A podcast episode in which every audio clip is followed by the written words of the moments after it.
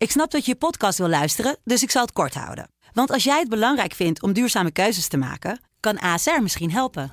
Nou hoor ik je denken, hoe dan? Nou, bijvoorbeeld bij het duurzaam herstellen van schade. Of de premies die we beleggen volgens ons duurzaam beleggingsbeleid. Dat bepaalt waar we wel en juist niet in investeren. Wil je meer weten over welke duurzame keuzes ASR maakt? Ga dan naar asr.nl/slash duurzame keuzes. ASR doet het. Zo, dan kan je nu lekker naar je podcast luisteren. In deze aflevering hoor je het verhaal over Mary Stover, een christelijke vrouw die vlak voordat ze op missionarisreis gaat, samen met haar dochter spoorloos verdwijnt.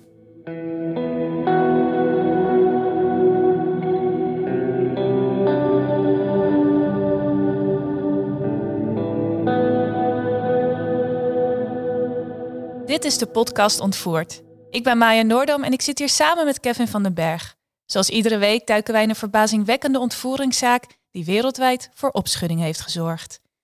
Dit is Ontvoerd, aflevering 21, de formule, deel 1.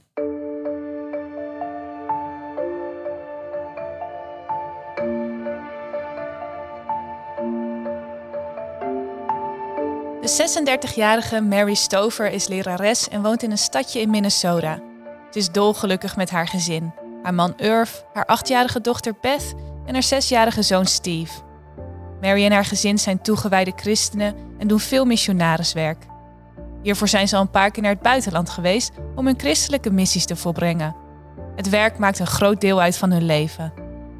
Het is 1980. Het gezin Stover maakt zich klaar voor een missie naar de Filipijnen. Het is niet de eerste keer. Mary is daar al twee keer eerder geweest als missionaris. Maar nu gaat het om een reis van vier jaar, waarmee het hele gezin naar de andere kant van de wereld verhuist om nieuwe kerken te laten ontwikkelen in de centrale eilanden van de Filipijnen.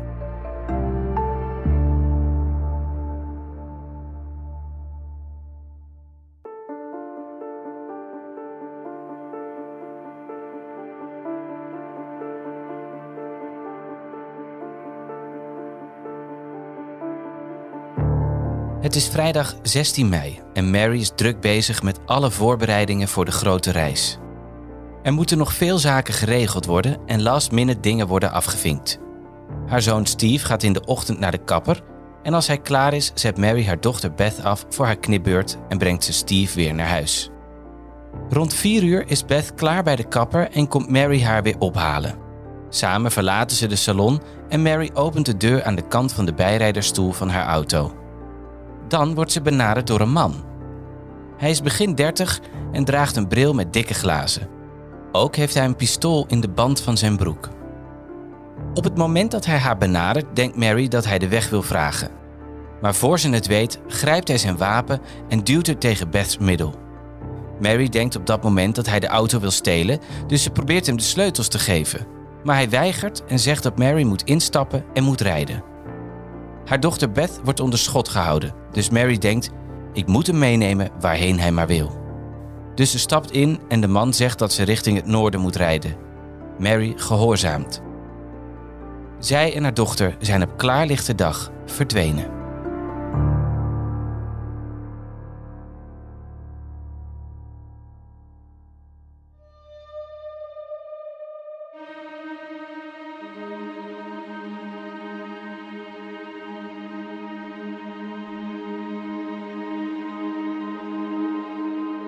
Tijdens de rit probeert Mary de man te bedaren door te zeggen dat God hem kan helpen als hij in de problemen zit.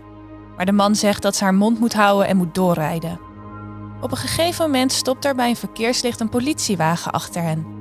De ontvoerder ziet dit gelijk en zegt: Als die auto ons volgt, dan schiet ik Beth dood. Mary is doodsbang en wil haar kleine meisje veilig houden. Ze doet dus niets om de politieagent te alarmeren. Dan stuurt de man haar in de richting van een afgelegen bosachtig gebied waar ze stoppen. Hij bindt Mary en Beth aan elkaar met touw, bindt hun mond af met tape en legt hen met hun gezicht naar beneden in de kofferbak van de auto. Hij stapt in de auto en rijdt zelf weer verder.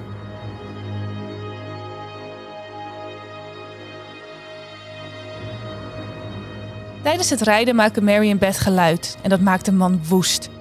Hij stopt de auto en dreigt het tweetal te vermoorden als ze niet stoppen met schreeuwen. Dan ziet hij dat Mary Beth al los heeft weten te krijgen en hij wordt nog bozer en bindt de twee opnieuw vast. Een stuk strakker dit keer.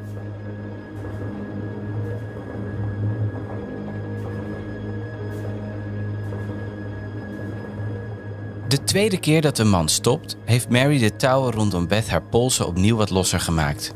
De man trekt de achterbak open, ziet wat er is gebeurd en legt een groot reservewiel op ze om te voorkomen dat ze zich kunnen bewegen of ontsnappen. Hij realiseert zich echter niet dat er twee getuigen zijn van dit moment. Het gaat om twee jonge jongens, Jason Wilkman en Mark Baines, die samen aan het spelen zijn in het bos. De auto is vlakbij hen gestopt en ondanks hun jonge leeftijd valt het ze op dat het geen normale situatie is. Ze raken nieuwsgierig en lopen richting de wagen om op onderzoek uit te gaan.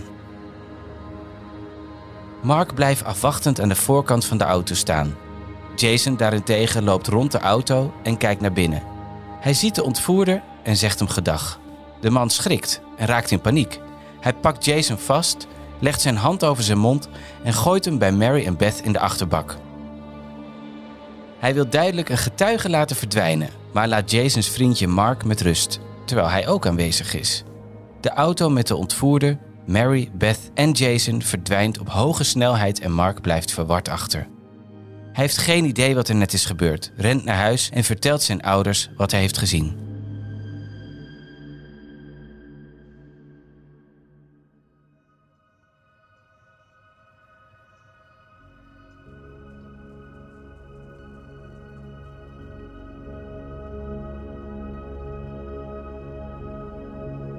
In de achterbak is Jason doodsbang en Mary probeert hem te troosten.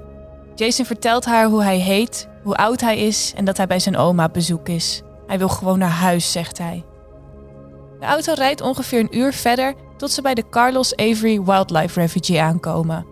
De man stapt uit, loopt naar de achterkant van de auto en haalt Jason uit de achterbak. Ook pakt hij een krik en neemt Jason mee het bos in. Als hij 50 minuten later terugkomt, vertelt hij Mary dat hij Jason heeft laten gaan. Hij stapt weer in en rijdt weg.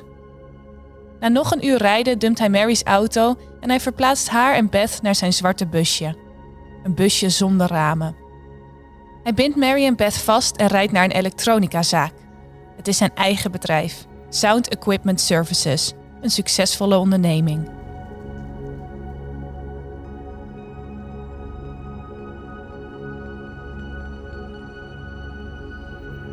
Het is inmiddels avond geworden. Mary en Beth hebben geen gelegenheid gekregen om naar de wc te gaan, te eten of iets te drinken.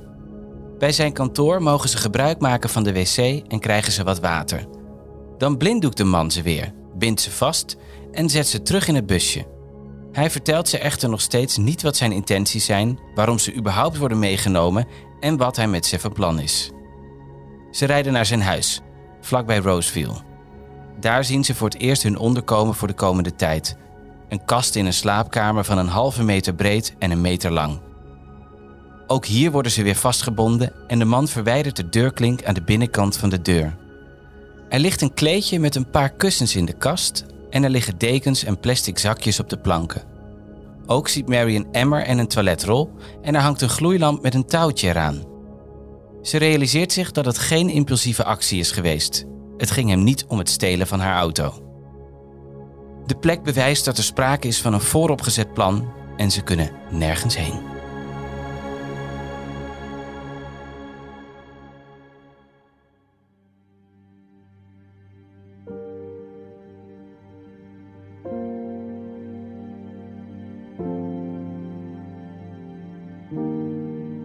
Ondertussen maakt de lokale gemeenschap zich steeds meer zorgen om Mary en Beth. Ze zijn niet teruggekomen van een afspraak bij de kapper en Irv weet direct dat er iets mis is. Mary's zus is zoals afgesproken met Mary langsgekomen voor het eten, maar Mary zelf is nergens te bekennen. Als ze had geweten dat ze er niet zou zijn, dan had Mary zeker de afspraak afgezegd. Irv belt naar de kapsalon, maar de kapper vertelt hem dat Mary en Beth rond half vijf zijn vertrokken. Irv voelt dat het niet goed zit en denkt dat ze wellicht een ongeluk hebben gehad. Vrienden van het gezin gaan daarom langs alle ziekenhuizen in de omgeving, maar er is geen spoor te bekennen van Mary en Beth. Later die avond worden de zorgen groter en rapporteert Irv de verdwijning bij de politie. Maar die heeft het op dit moment al heel erg druk. Het zesjarige lokale jongetje Jason Wilkman is namelijk ontvoerd. Zijn vriendje Mark heeft hem op klaarlichte dag zien verdwijnen met een vreemde man. Vanwege deze zaak reageert de politie niet direct op de verdwijning van Mary en Beth. De kans is in hun ogen groot dat zij zelf zijn vertrokken naar bijvoorbeeld een ruzie met Irv. De politie heeft op dit moment nog geen idee dat ze voor beide zaken te maken hebben met dezelfde ontvoerder. Mark had aan de voorkant van de auto gestaan en had Mary en Beth dus niet gezien.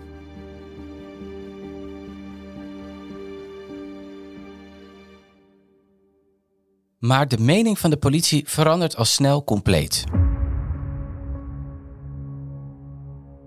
De reden daarvoor is dat Mark de politie naar de ontvoeringsplek brengt waar iets opvallends wordt gevonden.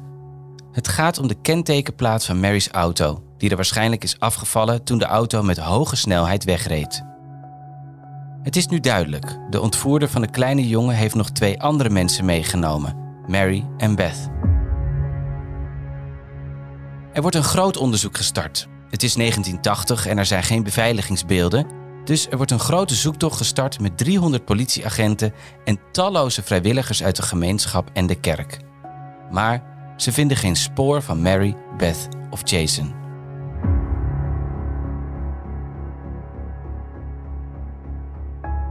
De eerste verdachte die de politie op het oog heeft is Mary's man Irv. Maar hij slaagt voor een leugendetectortest en blijkt onschuldig te zijn. Na het onderzoek naar hem brengt de politie een verklaring naar buiten waarin ze bevestigen dat hij niets met de zaak te maken heeft. De gemeenschap is hier echter niet zomaar van overtuigd. De politie brengt namelijk een compositietekening naar buiten van de ontvoerde op basis van de beschrijving van Mark. Maar deze tekening lijkt heel erg op Irv. Meerdere kranten plaatsen suggestief een foto van Irv naast de compositieschets en de politie ontvangt dan ook heel veel telefoontjes van mensen die denken dat het toch gaat om Irv. Het kost het onderzoek waardevolle tijd.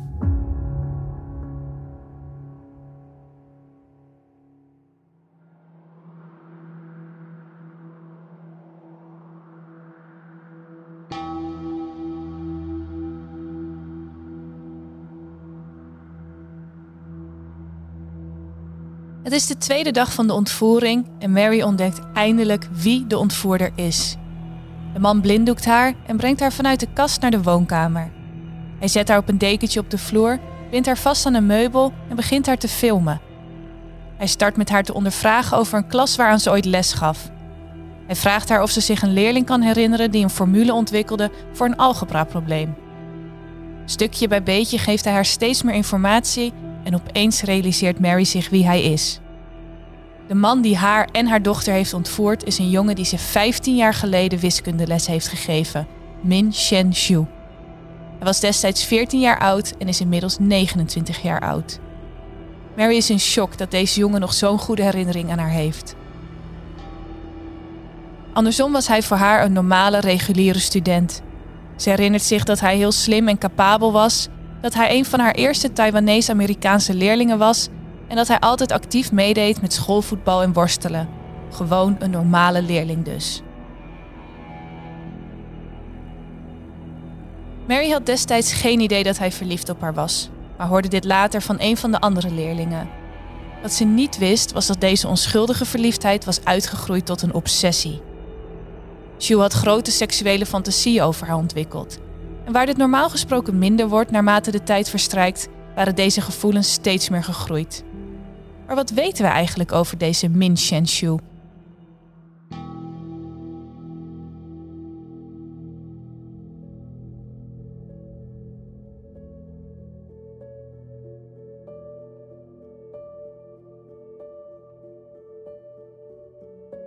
Min Shenshu werd geboren op 15 oktober 1950 in Taiwan. Op achtjarige leeftijd verhuisde hij met zijn moeder en twee broers en zussen naar Minnesota in Amerika. Zijn vader was hier al professor aan de universiteit en stierf drie jaar na de komst van zijn gezin. Min Shu stond in zijn jeugd bekend als een gewelddadig, oncontroleerbaar kind. Zijn moeder was bang voor hem en hij sloeg zijn jongere broertje en zusje regelmatig. Het bleef niet beperkt tot zijn kindertijd. Toen hij tiener werd, gooide hij stenen tegen rijdende auto's en stichtte brand in de appartementen van drie vreemden. Op 14-jarige leeftijd moet hij verplicht psychotherapie volgen vanwege zijn zorgelijke gedrag. Tegen die tijd komt hij in de wiskundeklas van Mary. Hij raakt geobsedeerd door haar en stalkt haar in de tien jaar die volgen. Mary ontdekt dat de ontvoering niet zijn eerste poging was om haar mee te nemen. Shu had al vier keer geprobeerd om haar te ontvoeren, voordat het eindelijk lukte. Hij zou het nooit opgeven.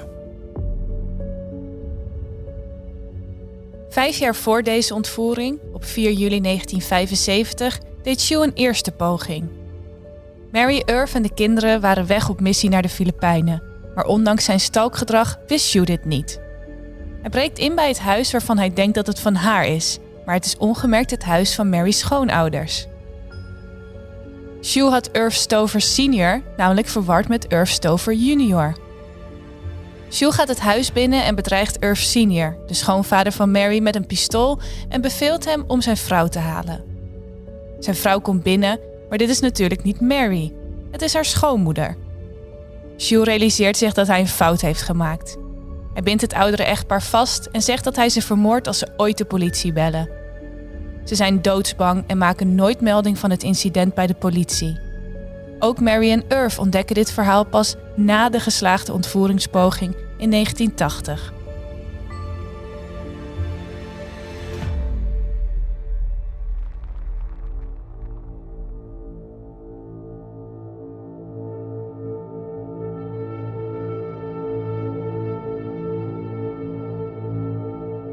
Na dit incident neemt de stalking van Shu een sinistere wending. Hij ontdekt dat Mary in het Baptist Missionary Apartment in Arden Hills is gaan wonen. Zij en Irv zullen hier een jaar verblijven voordat ze weer naar het buitenland gaan op een missie. Vanuit het bos bespioneert Shu het gezin. Hij weet welk speelgoed dochter Beth heeft en wat ze in haar kamer heeft staan. Ook weet hij waar het gezin de reservesleutel tot het appartement bewaart. Hij realiseert zich dat ze binnenkort weer gaan vertrekken en dat hij daarom snel moet handelen. Hij breekt in via de patio-deur en komt terecht in een opslagruimte onder het huis. Hier boort hij gaten in de vloer onder het bed van Mary en Irv om ze nog beter in de gaten te houden. Irv ziet wel dat er wat stof op de grond ligt, maar hij veegt het op en denkt er verder niet veel van. Shu is ondertussen bezig met maar één doel: Mary ontvoeren. En dat is hem gelukt. Mary zit in zijn huis. Hij zegt tegen haar: Je hebt geluk dat gisteren niet je hele gezin bij je was toen ik je meenam, want ik had echt alles gedaan om je te krijgen. Hij geeft ook eindelijk een verklaring voor de ontvoering.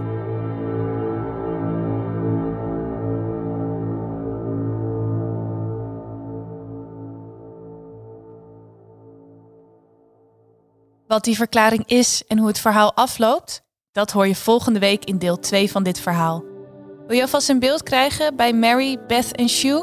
Kijk dan op onze Instagram pagina, ontvoert de podcast. Tot dan.